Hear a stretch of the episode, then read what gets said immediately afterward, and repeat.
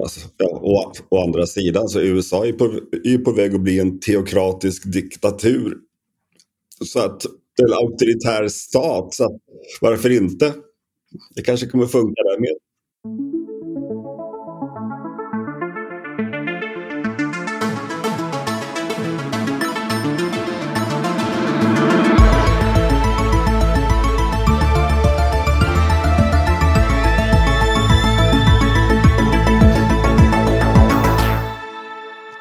Hjärtligt välkomna till säsongens näst sista avsnitt av Lördag med M3. Jag heter Billy Ekblom och med mig i studion har jag som vanligt Ida Blix och Petter Arnstedt. Hallå!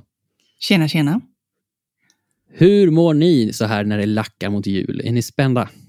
Alltså just idag är jag helt stelfrusen och sitter här med ett krampaktigt tag runt temuggen, men, men annars så är det bra. Eh, jag ser mest fram emot ledigheten. Julen, men, men ledigheten. Ska du åka till Gran Canaria som vanligt eller vad blir det? Nej, det blir först senare. Utan jag ska nog bara ligga på soffan tror jag, i två veckors tid och pilla mig i naveln. Gött. Gamea lite. Ja. Jag är ju den enda som jobbar under eh, direkt efter nyår där och vi, där vi också har eh, supermässan CES att eh, se fram emot. Så det är ju, men jag får ju också vara ledig nästan, vad blir det, en och en halv vecka eller något sånt där. Eh, det ser man ju också fram emot. Jag tycker du ska se det som en lyx att du får podda lite om CES. Ja, det ska jag säga att vi kom, jag kommer att ringa upp Mattias Inge som vi skickar till Las Vegas nästa år. Eh, och så pratar vi lite om hur det är att vara på mässa, hur det är att vara i Las Vegas och eh, vilka de fetaste trenderna blir under mässan. Så det får ni absolut inte missa. Men idag ska vi prata om, ja, det är flera stora Apple-nyheter som har inträffat. Eh, det var ju lite Apple-tungt förra veckan också, men, men eh, de, de är verkligen eh, heta på gröten just nu och det som har hänt är ju dels då att de har lanserat, äntligen får vi säga, HomePod i Sverige i form av HomePod Mini.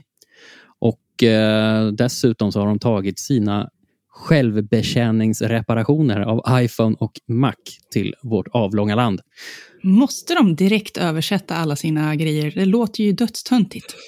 Alltså grejen är att det där påminner mig om, det fanns någon strippklubb i Stockholm som hette Tabu som kallades för Självbefläckelsens tempel. Och jag drar liksom... Jag hade en kompis vars syrra jobbade där och liksom när du säger det här med självbetjäningen så jag kan inte låta bli att dra en parallell. Ja, Nej, men... Men eh, hur Ja. repar vi oss från det där, Billy? Ja, jag Eh. vet inte. Vi kan, vi kan ju prata om vad det är för slags service till att börja med. Ja, det ska vi göra. Men jag ska presentera resten av avsnittet här. Vi blir lite, lite peppiga här. Eh, vi, ska, vi ska faktiskt prata om DJI Mavic 3 Classic som du har kört i 10 minusgrader, Ida. Det är därför jag är Drönaren. så kall. Ja. Det är därför det är så kall. Och eh, att Adobe börjar sälja AI-genererade bilder i sin egen bildbyrå. Då, vilket jag tycker är jättespännande med AI-genererad konst och eh, bilder i största allmänhet. Så, och vad, vad har egentligen Microsoft för plan med den här superappen som det pratas om bakom kulisserna? Det ska vi prata om idag. Nu kör vi. En stor nyhet i veckan är ju att Apple har lanserat sitt program för självbetjäningsreparationer i Sverige. Och Det innebär ju då att man som privatperson ska få möjlighet att beställa hem olika reservdelar och verktyg och kunna reparera eh, dels iPhone-modeller men också eh, bärbara Mac-datorer i hemmet. Vad tycker vi spontant om det här? Det här är väl en superdålig idé? Ja, det hade varit roligare om de just lanserat en självbefläckelsetjänst i landet. Men så är ju inte fallet. Ehm, eh, jag, jag, jag tycker som Ida, alltså det är en superdålig idé. Det är ett spel för gallerierna. Ja, så att, nu, nu beror det väl lite på vad man ska reparera, men jag, man kan ju typ hyra verktygsgrejer av dem och för en del av reparationen är det ju jättestora saker. Det verkar dyrt och krångligt att hålla på och skicka det runt överallt. Sen om man bor jättelångt från en Apple Store, fine, att det kanske är värt det på något vis. Men så ska man då ha en ganska hög teknisk, eller man ska väl vara ganska händig för att orka byta skärm själv utan att ta sönder någonting. Ska vara rätt stark också för att orka bära alla de här, Ja, ja, pilot, ja. eller, de här casen som allting vet du, Det verkar skeppas i. jätte, jättekrångligt. Jag kommer fortsätta att ta mig till en, till en serviceverkstad för sådana där saker, känner jag.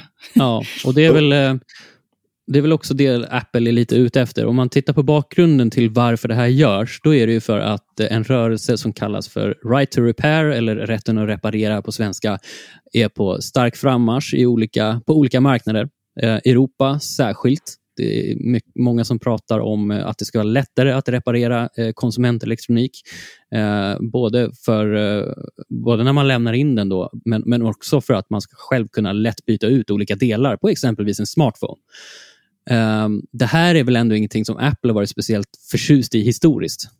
Nej, tvärtom. De har ju sett till att ha så krångliga små skruvar och hemliga... Alltså, nej, det har de inte varit sugna på. Limmat allting som går att limma. Och... Jag tror enda, enda produkten som är värre, det var nog Xbox 360. Där de hade klistrat fast processorn, tror jag, med en Mm. stor limklump på moderkortet. Ja, För att nej, man inte skulle kunna modda den. Men äh, grejen med rätten, att reparera då, det är att det ser ut att, det är lagstiftning på gång, bland annat inom EU och det pressas från, från olika lobbyverksamheter, eh, konsumenträttsorganisationer och så vidare. Ehm, i, rent, I detaljhandeln, eller vad man ska säga, på marknaden idag så har vi ju Fairphone som, som eh, lanserar smartphones som då grundar sig på utbytbara delar. Eh, Mm. men, men tanken är ju att man ska, det, oavsett tillverkare, så ska det bli lättare att genomföra reparationer på våra enheter eftersom vi bland annat också tenderar att behålla dem längre. Um, och, och Om man tittar då på Apple, som, som vi var inne på snabbt, de, de gillar inte när man reparerar sina egna prylar. De vill att man ska antingen lämna in den till dem eh, eller köpa nytt. Och Ja. ja, det blir billigare att lämna in till dem än att göra Ja, som, det det själv. ser ut, som det ser ut på priserna du hade spanat lite där på billig var det ju ganska självklart mycket enklare att lämna in till dem billigare och liksom, ja. Ja, det blir ju om man tittar på vad man får. Dels så när man ska, om man ska göra en sån här självbetjäningsreparation, det kan alla gå in och titta för den sidan är live. Det finns en butik med reservdelar och reparationskit. Eh, och själva verktygen då, det som är spännande med dem är att de, de hyr man ju av Apple i sju dagar. Eh, alltså det som krävs för att öppna själva telefonen eller datorn och, och göra de här åtgärderna. Det kan vara byta skärm, eller byta batteri eller byta ut en högtalare och så vidare. Så de hyr man eh, i sju dagar och jag tror att det kostar typ 500-600 kronor. Eh, och sen, sen så kostar delarna ovanpå det eh, också allt från några hundralappar till flera tusen då om man tittar på skärmar till exempel.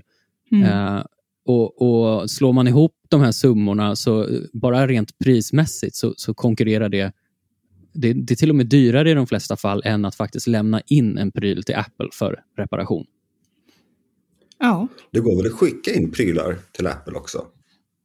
Ja, alltså om du inte bor så att du kommer till en Apple-butik på något enkelt sätt eller en Apple återförs- liksom, då kan man oftast skicka in grejerna. Då brukar man i och för sig få vara utan sin pryl. Alltså man lägger den i en låda, skickar iväg den och så får man ju vara utan telefonen tills den kommer tillbaka. Men Men jag, Man tänk, får ju jag ändå- tänker så här, pengarna som du sparar in, då kan du ju köpa en burner phone och ha under tiden. ja, ja. och du får ju ofta tillbaka, alltså är det någonting, skickar du in en iPhone med dåligt batteri, det händer ju att du får tillbaka en, en sån där enhet som de har fixat till. Alltså, och det tycker ju jag känns lite som ett plus. Då, har de, då är det någon på Apple som har suttit och putsat och fixat och ordnat i ordning en ersättningsenhet som är liksom bra. Och så slipper jag sitta här hemma och oj, hoppsan, jag förstörde något. så. Mm. Mm. Så det, ja, jag har ju personligen eh, ganska svårt att se vem som skulle företa sig de här reparationerna. För det är ganska hög risk att man fuckar upp, eh, gör fel på olika sätt, förstör komponenter som man kanske inte, eh, som inte var trasiga från början. Och, och den här typen av collateral damage som man utför på eh, det blir svår, då blir det en svårare garantifråga då, om man lyckas förstöra saker som inte hör till själva reparationen. Ja, Men- Tänk om du har gnuggat huvudet på liksom, heltäckningsmattan och så Ja. blir det Ja, men visst. Och, och man ska läsa mängder med manualtext innan man börjar reparera. Man ska ange specifika ID-nummer från manualerna i ett formulär innan man ens får chansen att börja reparera. Eh, man ska ange serienummer på delarna till Apple. Man ska, efter genomförd op, eh, reparation så ska man också göra en sån här mjukvaruinitiering eller systemaktivering mm. ihop med Apple. Så det är så otroligt mycket krångel att faktiskt använda sig av den här eh, självbetjäningstjänsten. Så att det känns ju lite som att det här är ett spel för gallerierna. Tycker ni inte det? Jo, jo det klart. låter helt klart som något de är tvingade till att göra än något de ville göra. Liksom. Ja. Jag tror inte att de är tvingade till det. Jag, jag, tror att de, de hellre vill förekomma än förekommas. Ja. Mm. Exakt, att eh, de, de vill vi peka på att nej men titta här, vi ger ju våra konsumenter alla möjligheter i världen att kunna reparera eh, sina olika Apple-prylar. Vi, vi, vi, vi, vi gör ju redan det. Uh, och Det har ju redan kritiserats ganska mycket. för eh, Self-service repair, då, som det heter i USA, det har ju funnits där i ett halvår. Jag tror att det kom i våras någon gång. Och uh, alltså Det är ju rätten att reparera, alltså det den här rörelsen proklamerar är ju inte, att, så inte bara att det ska gå att reparera, utan att det faktiskt ska vara ganska smidigt att göra det. Smidigt och kostnadseffektivt. Och Det är ju liksom tvärt vad det här Apple eh, verkar gå ut på. Men jag tycker också det är ett jävla högt krav att ställa på, en konsument, alltså på alla konsumentprodukter, att det ska vara enkelt att reparera dem. För det är ju, en, alltså det är ingen enkel produkt, en smartphone. Den är ju jätte, alltså allt är så litet och ihoptryckt. Och ja, ja, jag gud, tänker ja. att det är kanske lättare att reparera, inte vet jag, en eh, dammsugare där det ska bara bytas någon stor... Det måste finnas skillnad, grader här på hur komplicerade produkter man ska kunna mm. Eh, reparera utan att vara ingenjör. Ja, det här handlar väl främst tror jag om de här olika komponenterna som faktiskt är till sin natur löstagbara och utbytbara mm. som, som batterier och displayer. Och särskilt batterierna, det minns man ju när man själv satt med Nokia 3310. Så det var ju bara att fippla ut batteriet, klart. Eh, mm. Det är inte där vi är idag. Liksom. Alltså varje gång du tappade den där Nokia-telefonen flög den i fyra bitar och batteriet gled iväg. Ja, exakt. exakt. man vill ju tillbaka dit någonstans, men samtidigt så är ju, det handlar ju om också liksom hårdvarudesign, ingenjörskap. Mm. Att de har ju pressat formfaktorn för att få ner footprintet och kunna få in mer avancerade komponenter och sådär. Så det, Men ska, ju... du, ska du tillbaka dit så kommer ju vattentätheten att bli sämre igen. Ja, det kommer den verkligen välja. att bli. Ja. ja. Alltså ett annat problem, med, med, just när ni nämnde det här med Nokia, då, när man tappade dem i golvet och så batteriluckan gick upp alltihopa. Eh, ju mer kompakt en telefon är, desto större är risken att den går sönder när den landar mm. på golvet. Ja.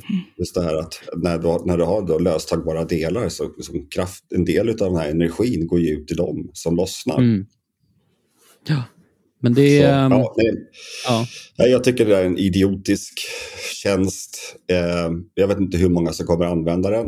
Eh, men eh, ja. Alltså, det, det, I utbildningssyfte så ser man ju, där, där kan det ju verkligen vara bra om man liksom ska utbilda eh, både sig själv och andra i hur, hur, hur avancerade den här typen av prylar faktiskt är idag. Att det inte bara är att eh, ploppa ut ett batteri, sätta in ett nytt, utan att det ska vara ganska mycket mer. Men, men i grund och botten så hoppas i, i alla fall jag någonstans att det här bara är en försmak på vad som komma skall på just reparationsfronten. För att det ska vara, här, att det ska vara så här komplicerat, dyrt och tidskrävande, det, det köper jag inte. Det, då kan man lika gärna lämna in prylen istället.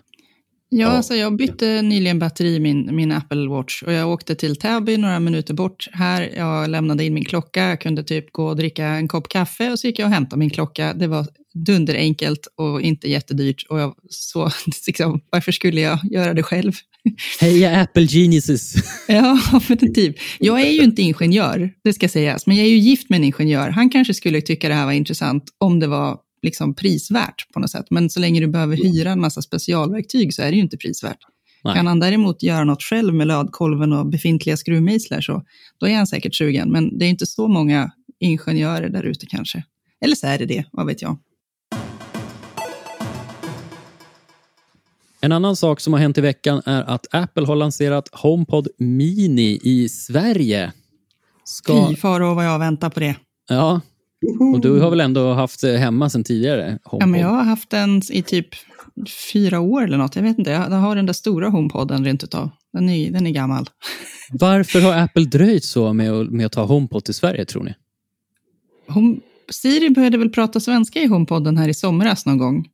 Men Mm. varför det har dröjt så länge vet jag 17, för den har ju, Siri pratar ju svenska i massa andra enheter. Precis. Eh, Det kan ha att göra med att de vill ha vissa team på plats eh, som ska hantera produkten. Det kan vara Mm. en sak. Det tar väl tid. Eh, och sen kan det också vara att Sverige är en liten marknad, Mm. Tyvärr. trots allt. Eh, eh, den, släpp, den släpptes i bara åtta länder var det va, i Europa. Var inte någonting Mm. sånt, Mm. om jag inte minns fel. Mm. Så att, jag menar, och så att de länderna blir sammanlagt, då, ja, ja, det blir ju en, en klart st- större marknad. Men, men jag tror att eh, Sverige, eller Skandinavien är lite utsatt. Vi är en avkrok. Vi, bo- det bor inte så många här, att det kan vara ett av skälen. Men nu Ja. är den här. Jag är glad. Nu är den Nu här. är den här. Och jäklar i min låda, vilket ljud det är i den. Det ska jag vara tydlig, den kommer ju först på tisdag, men i alla fall, väldigt snart. Ja, oh ja, men eh, som sagt, vi, har ju redan testat den nu. Eh, Ja. Recension, recensionen gick upp eh, igår, fredag. Mm.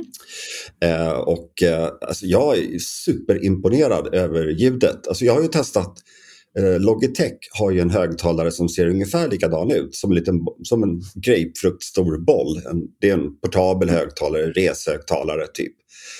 Och Mm. alltså, det kommer inte ens i närheten utav ljudet i eh, HomePod Mini. Nej. Helsike vilket ljud det är. Och, och man, så har jag också haft eh, lyxen att kunna testa och stereokoppla två stycken. Alltså, Mm. Jag är sjukt imponerad. Men jag är inte imponerad över Apples eh, Home. Hemstyrningen alltså. Ja, nej. Alltså, nej. Den, alltså, den, är, alltså, den känns som ett patchverk. Alltså lappverk. Lapptäcke. Eh, man, lapptäcke, till och med, så heter det. Eh, nej, men alltså, om man jämför med Spotify, sätter jag på Spotify i min dator eh, och kör Spotify Connect på ett par högtalare, då kan jag ta upp min iPad eller min telefon eller en annan dator och gå direkt in och kontrollera volym, nästa låt etc. och sådana saker.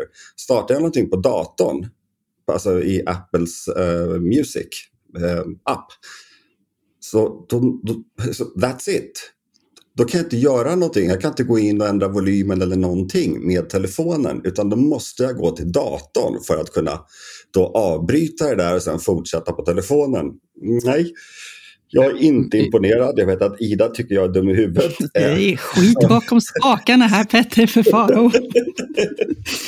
Jag, var- alltså, du satt och skrev det här på, på vår Slack-kanal på jobbet och jag bara, men det där stämmer ju inte. Så jag var tvungen att gå in och testa och det funkar hur bra som helst här. Jag tänker att problemet är som vanligt Apples Petter. dröm att allting ska vara så himla enkelt och smidigt och så går det inte att felsöka någonting.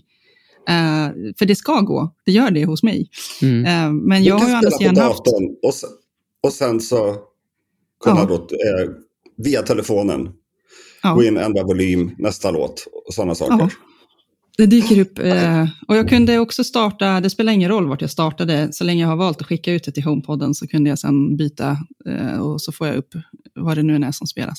Men jag har ju haft mina grejer installerade mycket längre, så mina smarta hemmet-grejer har möjligen lyckats synka ihop sig mer än vad dina har gjort, för det kan ju ta lite De, tid. de har mognat. Jag vet, Precis. du vet, jag har ju någon Apple TV här borta som ska bli kompis med HomePodden och så ska Siri fatta att jag har Ja, ja, det tar ett tag. Det, är liksom, det växer Ja, av sig självt det där nätverket. Man, för har man liksom fel eh, Apple-ID i någon enhet så funkar det ju inte och sånt där konstigt. men jag har så, samma Apple-ID i alla enheter. Jag fick det här, jag, jag spelade upp en låt från datorn. Eh, och i telefonen så, så, så, så står det så här, det är en bild, en Bowie-låt. Det är en bild på omslaget, ser jag i telefonen. Och, så står, och det spelas då via HomePods, men det står att eh, HomePod spelar inte. Och jag kan inte göra Mm. någonting i telefonen. ja. Ja, eh, Ida tror på skit bakom spakarna. Vi får se eh, om Petter lyckas lösa det här problemet. Men eh, något som... För, för HomePod med ringa Mini till då, Apple. ja, ring Team Apple och berätta att nu är jävligt missnöjd med HomePod Mini. Vet, parentes. Bara eh, en parentes. Vet du om att jag är orsaken till att han har blivit väckt mitt i natten en gång? Nej, ringde du och hade några tekniska bekymmer som bara du hade då också? Eller? Eh, nej, det var, det var när jag jobbade på Apple och så var vi i Polen och skulle, vi skulle dema iPhone 3GS, tror jag det var. Och eh, istället för Polen, det var när iPhone var låsta till länder på den tiden. Och istället Mm, för. Polen så hade vi fått telefoner för Portugal.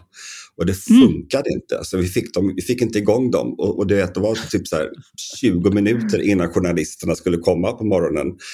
Och vi ringde Oh. till England och de ringde då till någon så här larmcentral i, i Cupertino som då utfärdade en code red. Så då Tim Cook blev väckt mitt i natten. Och de berättade då vad som är på att hända och sådär. Det löste sig i sista, sista stund alltså. Men, men, ja, Var det Tim, svettigt. Tim Apple som tryckte på en knapp då från sängen så här att aktivera, globalisera eh, någonting, någonting? Eller kom det ett bud med nya telefoner från ingenstans? Jag tror att väldigt många människor blev väckta den natten i Cupertino av eh, Tim Apple. De fick sina fiskar varma. Ja. Ja, fast sina Vad, äpplen. eh, Ja, sina... Men läs gärna Petters eh, HomePod Mini-recension om ni inte redan har gjort det. det. Den enda egentliga nyheten är väl att den har ett nytt chip. Det var någon av er som sa. Ja. Ja. S, S5-chippet. Och, Okej. och, och jag vill också poängtera att alltså, även om man då inte tycker att det här med eh, smarta hem, jag vill inte ha ett smart hem, bla bla bla, så är det här fortfarande ett par ypperliga högtalare. Alltså de är dunderbra. Mm. Det är svårt att hitta bättre i prisklassen kanske till och med, eh, om man tittar på formfaktorn. Ju både storlek och prisklass, skulle jag säga. Mm. Stor tumme upp för HomePod Mini då med andra ord. Ja,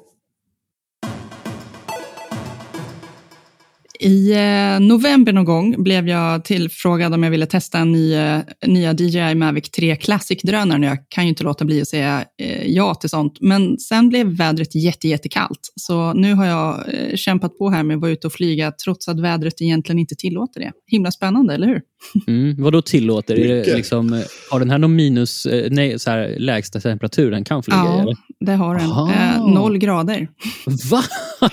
Men det, är, eh, det finns någon liknande eh, temp-grej på, på iPhone som är också är chockig, som man tänker sig att den ska tåla jättemycket, men i manualen så är det också Ja. något ganska lågt. Men något att Eh, skylla men- på?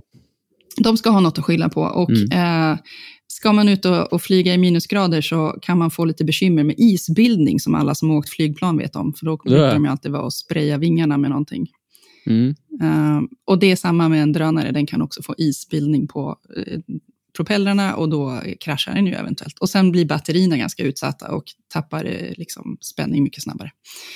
Så man kan inte flyga så långt som man brukar. Den här drönaren ska kunna flyga i typ 46 minuter i, i optimala förhållanden på sommaren. Nu på vintern så snackar vi kanske 10 minuter innan det börjar bli så här, ja, det går att landa och byta batteri. oj. Och så får man stå där och värma batterierna i fickorna och liksom Ruva på dem. Ja, och sen är det superjobbigt för händerna, för hur man än bär sig åt är det jättejobbigt att flyga med stora vintervantar. Ja, vintern är väl kanske inte drönarhögtiden nummer ett. Men Nej. man kan ju få ganska mycket snygga snöbilder, tänker jag. Väldigt mycket fina snöbilder kan man få. Och du hade, ju- du hade ju filmat någonting med den. Vad är det för kamera som sitter i den där? Ja, det är ju en Hasselbladskamera som sitter där, så det är en, en, eh, en superbra kamera ska sägas, i både fotosammanhang och videosammanhang. Så den här drönaren är ju någon sorts eh, eh, prosumer-drönare, vad de brukar kalla det för på engelska. Så den är ju inte för eh, ja, kreti och pleti som bara vill ut och... Eh, den är för dyr för det helt enkelt. Så att De man köper måste ju jävla ha- parrot på Lekia, typ. Ja, många, många ska ju stanna på, om man nu vill prata DJI-drönare så är det ju säkert jättemånga som ska stanna på, på mininivå, liksom, den, den modellen. Ja. Vad men är man lite, den här kostar, eh, säg eh, 18 000 ungefär för drönare och handkontroll. Wow! Eh, men då får du hög upp, alltså du, den filmar i, i 5,1K och eh, fotar massor av megapixlar. Så det, eh, det är jätte, jättehög kvalitet på materialet man får Men ut. alltså, för de pengarna kan man ju reparera hur många iPhones som helst själv. Ja, men de kan inte flyga eller fota lika bra. Nej, men man kan ju modda den med Apples nya superverktyg, tänker jag. Just det. Eh, Men så det är en lyx, ly- lyxdrönare och vill man, vill man, är man så här eh, proffsfilmare så finns den här drönaren i en variant som filmar med Apple ProRes och grejer för, som, som kostar nästan 60 000. Alltså, den, den kan bli hur dyr som helst den här modellen. Men då, då kan man ju också filma typ Hollywood-produktioner till slut. Så, eh, det, det, det är lite overkill för mig. Men inte det vårt nästa mål efter podcast, Hollywood-produktioner? Alltså jag tänker att vår YouTube-kanal, den kan ju verkligen behöva 5.1K video i, med 60 frames per sekund. Och, jag vet, ni fattar, det kan bli vi, hur vi, filmar, vi filmar allt med drönare. Ja, den har ju sån här tracking, Billy, så den skulle kunna följa efter oss inne på mässgolvet. Ja. Det blir bara jobbigt när den kraschar. Men eh, okej, okay, prosumers som har 18 eh, lax på fickan, det är de som ska köpa den här helt enkelt? Ja, och eh, de ska ju... Eh, DJI tänker sig väl säkert att de som har Mavic 2, eh, den är den föregångaren, de kanske vill köpa den här. Och sen är det säkert en rad nya intresserade som behöver filma sånt här som vill ha den. Men eh, sen har de ju DJI, den här Mini 3, Mini Pro 3 kanske den heter. Ja, den, den klarar sig säkert jättemånga med och den är ännu billigare såklart. Mm, mm man får välja lite hur eh, intresserad man är av eh, bildmaterialets kvalitet. I guess. Är den värd sitt pris för en prosumer? Är det en bra produkt? Det tycker jag definitivt att det är. Uh, jag har ing, alltså, det jag pysslar med, då passar den inte kanske så jättebra, men, men är man super... Alltså min man älskar att film, fota med drönare. Han har en Mavic 2. Han har varit och tittat lite på den här. Han är supersugen för att det blir så bra kvalitet. Äh, jättekul för sådana. Jag eh, tyckte nog att eh, Avatan var roligare när man liksom får eh, mera, när det handlar mer om flygningen än, än om bildmaterialet. Men den är, en jättetrevlig drönare. Lättflugen med alla hjälpmedel och tillbehör och det blir superkvalitet på det man gör. Så.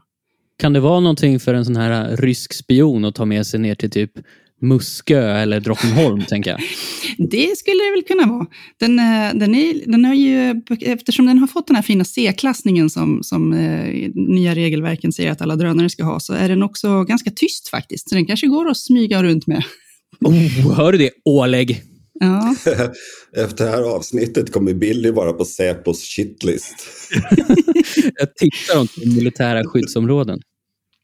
Ja, nej men alltså det, jag, det, ska jag, det kan jag ändå ge en fet tumme ner till hur jävla svårt det är att hålla på med den här hobbyn överhuvudtaget nu för tiden. Det är eh, mycket regler och krångel. Det är nästan omöjligt att dela med sig av materialet man väl har filmat eller fotat för att spridningstillstånden tar jättelång tid att få och det är krångligt att lista ut vad som behöver ha dem. Och, mm. äh, Inga horisonter. Det, Inga Nej, men, horisonter. För liksom massa år sedan när jag köpte den första drönaren, då var det ju lite vilda västern över det hela. Och det är ju såklart inte heller bra. Men nu är det så mycket regler så att nu vågar man liksom inte flyga av den anledningen. Och så står Säpo bakom axeln på en hela ja, tiden. eller hur? Ja, hur ofta använder ni Microsoft Bing idag, Ida och Petter? Aldrig. Aldrig. Nej, jag tänkte väl det. Jag, eh, inte jag heller, ska sägas. Eh, och nu går ju snacket om att, eh, eller ja, det är väl en ganska illa dold hemlighet att Microsoft är lite avundsjukt på eh, Google och Apple. Eh, av olika anledningar. Då. Och en, en anledning är ju olika typer av intäkter i samband med, med sök och, och så vidare och appar och, och, och, allt egentligen. Och nu ryktas det om att Microsoft eh, åtminstone har funderat på någon slags superapp som eh, ska samla en mängd olika tjänster under ett och samma eh, paraply, eller vad man säger. Va, va, vad tänker ni när ni hör ordet superapp? Bu, det låter så dött. alltså, ja, så tråkigt. Jag, ja. jag tycker väl i och för sig det är också lika störigt åt andra hållet när man måste ladda ner tio appar för varje, de har typ brutit ut varje funktion till en egen app. Det är också störigt, men mm. det verkar helt bananas att trycka ihop allting i en app och tänka att jag inte behöver något mer. Men är det inte lite så här, känns det inte lite så här internets vagga också med den här typen av samlingssidor eller tjänster? Jag tänker... Eh, portaler.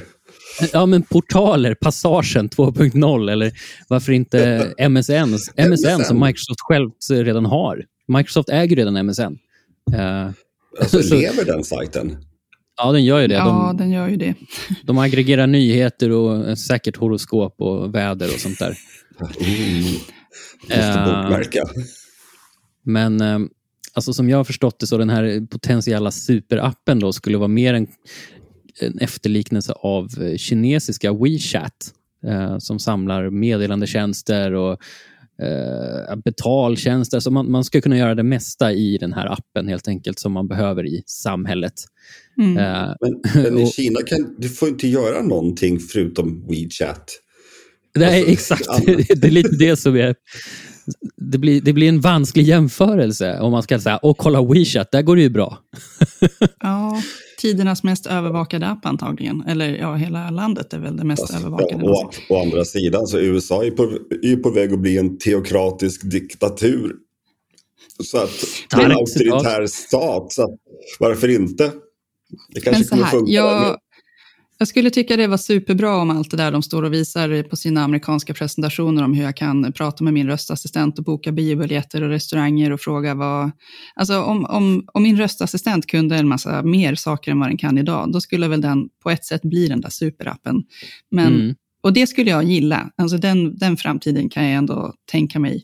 Mm. Men att jag skulle behöva ladda ner en liten app i min telefon och så gå in där och så kan jag rota reda på allting. Då kan jag ju lika gärna bara öppna min vanliga webbläsare och göra samma saker. Jag vet inte. Ja, ja, men exakt. Det känns Ja. eh, onödigt bara att satsa på det här. Microsoft, Det det, är inte första gången. Alltså Microsoft har ju försökt eh, få grepp om mobilmarknaden förut. Det ska sägas också att den här superappen då skulle vara för mobiler. Eh, Man vill, man vill ha en sluten liten kammare som man inte behöver lämna helt enkelt. Men alltså Microsoft plus mobiler, det, det är inte som att vi har sett jättemånga framgångsrika satsningar på det området. Nej. Nej. Tvärtom. Jag hejade ändå på dem. Jag ville att de skulle lösa det där, men det bara tog aldrig fart. Det var sorgligt. Alltså de är ju de är inte ens tvåa på bollen. Det är ju deras stora problem. Och just det, alltså det finns två ekosystem. Det är Android och iOS. Mm. Eh, och jag tror att det ska till någonting sjuhelsikes bra för att kunna bryta den dominansen som de två Mm. trots allt har. Vi, Vi har behöver- ju eh, Huawei som av tvång försöker, men det går ju inte heller jättebra. Nej, och jag tror Microsoft är fel företag för att göra det. Jag tror inte Ja. att Vi de vill har att- det i sin DNA.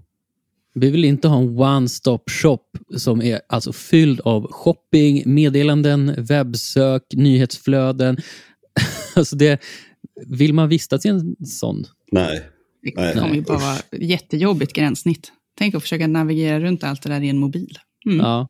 Ja, men tänk, tänk att gå omkring på Åhléns och så går någon människa bakom dig och skriker ut meddelanden åt dig. Alltså, i, alltså, det skulle vara lika illa digita, di, digitalt.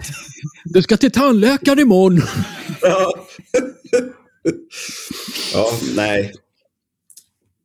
Nej, Låt oss hoppas nej. att eh, någon sund mellanchef sätter stopp för det här innan de har lagt ner för mycket tid på det.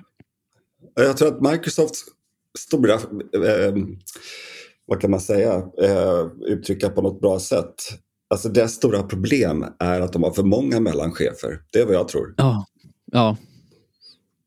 Eh, Blir det tror att en, ena handen vet Apple- inte vad den andra gör. Nej, jag tror att Apple blev så jäkla bra tack vare Steve Jobs. Eh, alltså, vet, han la ju sig i det mesta där, men ingenting passerade. Så, alltså, vet, han var ju tvungen att gå, han godkände i princip allting. Mm. Eh, till och med de här små klisterremsorna de har på, på förpackningen när man då ska dra loss cellofanplasten runt. De Det måste vara behagligt. Ja. Ja, ja precis. Men, alltså, men det, vet, det var inga mellanchefer, det var inga kommittéer då som satt och, och diskuterade saker i oändlighet. Utan det var liksom någon, en auktoritär person som bara, fuck it, det här gör vi inte. Åh, oh, det här är bra, det gör vi. Ja. Det, det, det, det låter som en härligare värld. Eh, speciellt om man har jättemycket kontrollbehov. AI-genererade bilder och AI-genererad konst har fått ett stort uppsving med olika nya typer av tjänster. Eh, och, och nu är ju då en nyhet i veckan att Adobe har bestämt sig för att börja sälja eh, i sin bildbyrå som de har konst och bilder som alltså är genererade av artificiell intelligens. Spännande tycker jag, men vad tycker Ida och Petter? Det är jättespännande, men det är åh, så mycket frågor man får kring det här samtidigt. Och så, det har ju kommit Ja. mycket kritik från alla håll förstås också. Jag tror, jag tror också att det är ett sätt, hell, hellre förekomma än förekommas. För jag menar, alltså, varför ska man köpa AI-genererad konst från Adobe? När man kan, alltså alla tjänster som finns på, på internet idag som är gratis. Mm. Alltså det är Men ju det här- förmodligen ett, ett, affärsområde som de bevakar. Ja. ja, men självklart. Självklart är det så. Eh, och, Men, men, som alltså, koncept, absolut, coolt. Visst är det det, men, men eh, och, om man tittar på, det finns ju en tjänst bland annat då, som heter DALL-I eh, 2 som är från den här OpenAI som jag personligen tycker är otroligt eh, imponerande. Den öppnades ju upp i september så att vem som helst kan skapa sig ett konto och alltså börja generera eh, olika typer av bilder utifrån textprompter. Har ni provat det här? Alltså, vi fick Nej. ju ingenting gjort den dagen, Billy. Sant. Du och jag Tors, var inne i det. Just det. Men ja, det var kanske DALL-I 2. Jo, men det Ja, var det det nog. var det. Och jag, jag, jag tycker att eh, resultaten blir ju så... Det blir väldigt spännande. Alltså, det blir inte sällan väldigt snyggt och, och fantasifullt. Det, på, på vissa plan kan det absolut eh, konkurrera med det som olika typer av digitala konstnärer tar fram. I alla fall min upplevelse. Men det som, det som händer är ju att en massa människor här börjar bli väldigt nervösa för sitt levebröd. Det finns massa fotografer och illustratörer och sånt där som blir, ah, hmm, vänta här nu, jag har snart inget jobb. Eller Ja. hur ska jag få betalt för eh, när den här AI har använt min, mitt material för att göra det nya materialet? Vem, vem, Mm. Får jag, får jag någon, någon cut av det? Kommer, om jag köper något av Adobe sen i framtiden så har de förhoppningsvis betalat eh, det som ska betalas för att göra det här. Men det var ju någon, någon app nu i, i App Store som har fått massor av nya användare för att de gör någon, spottar ur sig en massa fina bilder av, baserat på självporträtt. Eh, men det, vi- det var också någon som, som tipsade mig om någon länk att ja, men de har snott en massa konstnärers material för att göra Ja. de här.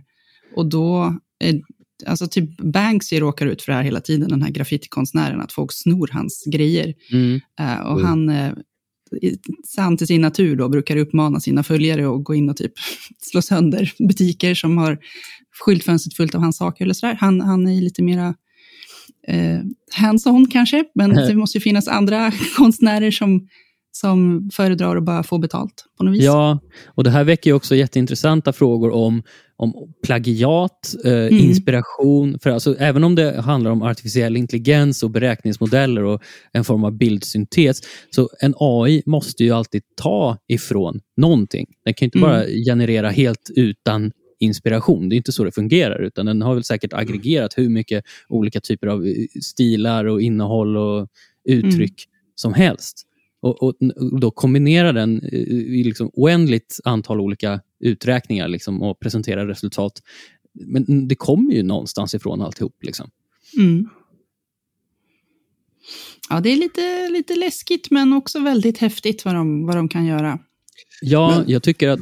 Ja, det går ju att dra en jämförelse med rapmusiken när den kom. Du vet, de samplade hej vilt och, och, och sådär. Och det var ju då gamla etablerade artister som skakade på huvudet och tyckte att det här är bara plagiat. Och, men samtidigt så skapade ju de någonting nytt utav det. exakt. Eh, och så, det- det är väl alltid det här när det dyker upp någonting nytt så är det alltid då en grupp människor som slår vakt om, om sina produkter. Jag menar, titta på skivindustrin till exempel. Det är ett Mm. strålande exempel. Och jag menar idag så eh, skivindustrin och sa att vi kommer dö, alla laddar bara ned och sen så dök streaming upp och streaming var ett alternativ till nedladdning. Det var ju så den kom till. Mm. Eh, och idag så går det ju bra för skivindustrin. Mm. Ja, visst. Det Så- kanske utvecklas... alltså, jag- eh, Ja, alltså det, det, det blir väl någon slags självreglering, någonting, alltså att, ja, att bitar faller på plats eh, och sådär. Men, men eh, ja, nej, jag, jag, jag gillar det. Skulle ni kunna tänka er att hänga AI-genererad konst på väggarna hemma? Absolut. Ja, det tror jag. Och det flöd, förekommer redan friskt i mina flöden på sociala medier. Folk som genererar typ bakgrundsbilder till din mobil Mm. med någon AI och så bara, här har ni jultema, här har ni halloween-tema. Och så Mm. så det, det finns ju jättemycket snyggt man, man kan ta del av.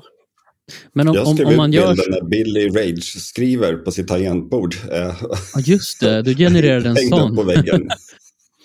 Kan inte vi, vi måste ju lägga upp den här i artikeln som, som ackompanjerar podden. så att alla Ja, får se Ja, det får vi göra. Pet- Ja. ja, Petters AI-bild av mig som är arg vid ett tangentbord. Det var, inte, det var inte så likt kanske, men det var väldigt roligt. Ehm, och eh, nej, men det, det som är, blir den stora frågan tror jag, jag tror att det blir just copyright. Eh, Ja, och Vem- hur ser man ska- skillnad på AI-grejerna och Ja. de riktiga grejerna på något ja, sätt? det också. Det blir som ett Turing-test fast för ögonen. Liksom. Ja. man, kan inte, man kan inte svara på om det är gjort av en AI eller en riktig konstnär.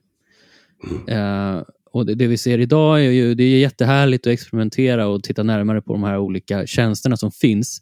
Men eh, jag tror att vi kommer få se en ganska hetsk debatt de kommande åren om just den här typen av upphovsrättsfrågor. Jag tycker att vi tar och knyter ihop säcken där faktiskt. Det är ju som sagt lördag morgon om, om du lyssnar när det är tänkt att du ska lyssna. Men du kan som sagt lyssna när du vill på den här podcasten. Om en vecka så är det säsongsavslutning och eh, vart podden tar vägen nästa år får ni se där och då. Ha det så bra så hörs vi om en vecka. Hej då! Hej då!